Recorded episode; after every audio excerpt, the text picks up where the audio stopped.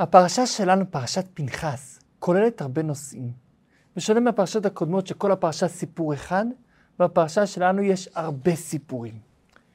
אבל הפרשה שלנו, הסיפור הפותח בה, מתחיל בסיפור שמסיים את הפרשה הקודמת. עם ישראל מתיישב בשיטים, שיטים מלשון שטות. בלעם נותן עצה לבלק, אומר, אף אחד לא יכול להפיל את ישראל, הם יכולים להפיל את עצמם. מה עשה בלק? אמר לו בלעם, לך תפיל אותם בזנות. הלך ועשה קלעים, קלעים זה חנויות, חצי מהחנות גלוי וחצי נסתר. מהר שלג, מהר החרמון ועד צפון ים המלח. שם שם חנויות למכור בהם כלי פשתן, הוא ידע שלעם ישראל חסר בגדי פשתן. הוא שם שם נשים שימכרו את הבגדים, מבחוץ נשים מבוגרות, ואז עם ישראל רואה אותם, הוא אומר, טוב, אין בזה סכנה שנתפתה, נשים מבוגרות, שמציעות מוכרות רגילות. כמה היו מוכרות את זה בכסף, כמה שזה שווה במאה. ואז מבפנים קוראת אישה צעירה ואומרת, תיכנסו אליי פנימה, אני אמכור לכם את זה בחצי מחיר ואפילו בשליש מחיר. ואז נכנס פנימה, אז האישה מתחילה לפתות אותו, ומביאה לשתות יין. אז עוד לא היה אסור לשתות יין של גויים. והיה שותה מהיין, והייתה מתפשטת בפניו, והייתה מפתה, והייתה מפתה אותו, ואומרת, אתה רוצה, תעבוד עבודה זרה, הוא בהתחלה לא רוצה. רק בוא תעשה רק את הצרכים שלך, שזה פעור. הוא לא יודע שבכך זה עבודתה. וככה בסוף היא אומרת לו, אתה רוצה להמשיך, אז תחפור בתורת משה, עד שבסוף הוא היה נופל איתה גם בעבודה זרה, גם ב... ללכת עם גויה וגם בכופר בתורת משה. ואכן, אומר משה לשופטי ישראל, הקדוש ברוך הוא אמר להוקיע את כל מי שעשה את העבירה, תהרגו כל מי שהלך עם המדייניות. זה לא היו סתם מדייניות, היו בנות המלכים החשובות ביותר. ואז רצו, רצו, רצו למשה. ומשה אומר, בוא נביא את כולם, אומרים למשה, אבל יש פה בעיה, מה קרה? זמרי בן סלו, נשיא שבט שמעון, הלך ולקח מדיינית. את מי הוא לקח? את כוזבי בצור. השם שלה היה שבילנאי, בת צור מלך מרים, וקראו לה כוזבי כי היא אכזבה את אבא שלה. אבא שלה אמר לה, אני שולח אותך גם, אבל את תהיי רק עם משה רבנו, השם ישמור. והיא הגיעה למחנה וחיכתה שיבואו אליו, וכל מי שהגיע לה אמרה לו, לא, אני הולכת רק עם האחי הגדול שלכם. באותו הזמן, כשהתחילו להרוג את אלה שחטאו, באו שבט שמעון לנשיא שלהם, שלומיאל בן צורי שדי, שזה זמרי בן סלו. אמרו לו, הורגים את השבט שלנו ואתה שותק? הלך ובא, אמר, אני אקח בעצמי אישה, ואז גם אני אעשה את זה, וככה זה יעצור. הלך לכוזבי, אמר לה, בואי תהיי איתי ביחד. היא אומרת לו, אבא שלי אמר לי ללכת רק לגדול שבהם. אמר לה, אני יותר גדול ממנו. למה הוא מהשבט השלישי, לוי, אני מהשבט השני, שמעון. בואי איתי, בואי אליי. היא התפתתה והקשיבה לו, ואז הוא מגיע למשה. אומר למשה, משה, מותר לי להיות איתה או אסור לי להיות איתה? אומר לו, משה, אסור. אה, אסור, אז איך אתה היית עם מדיינית בעצמך עם בת יתרו? א', זה לפני מתן תורה, ב', זה התגיירה, אז אין לך דמיון.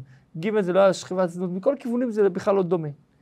אבל משה השתתק. התעלמה ממנו הלכה, למה?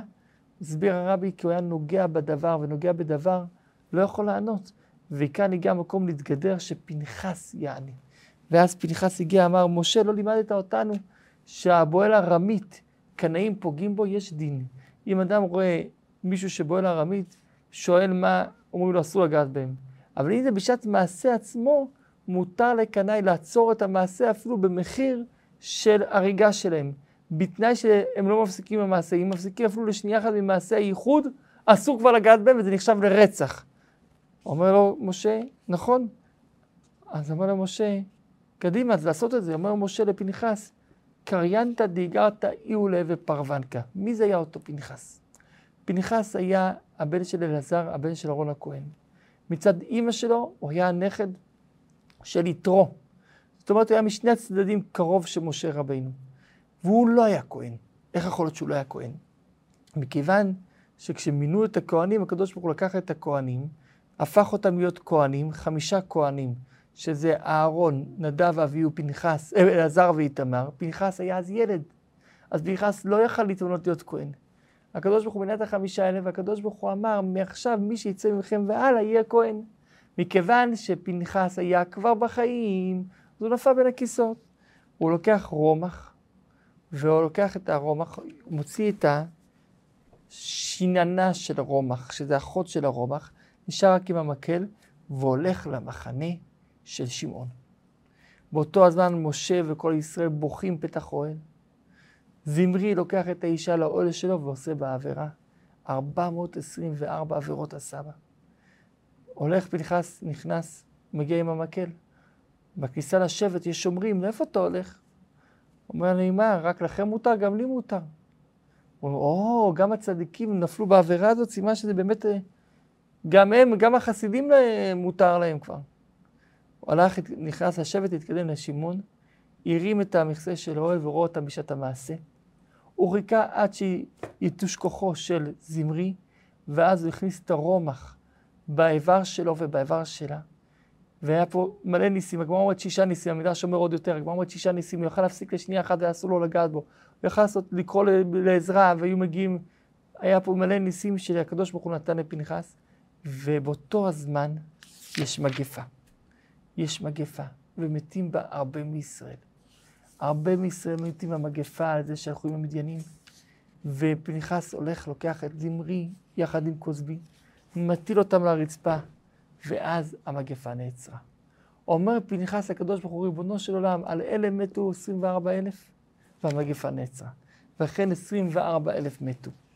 עכשיו, במקום שכולם ישבחו את פנחס, יגידו לו, כל הכבוד, אתה מנעת, באו ואמרו לו, ראיתם? זה הנכד של יתרו, בן פוטי, שפיתם אבי אמו, הגלים לעבודה זרה, בא והרג נשיא שבט מישראל.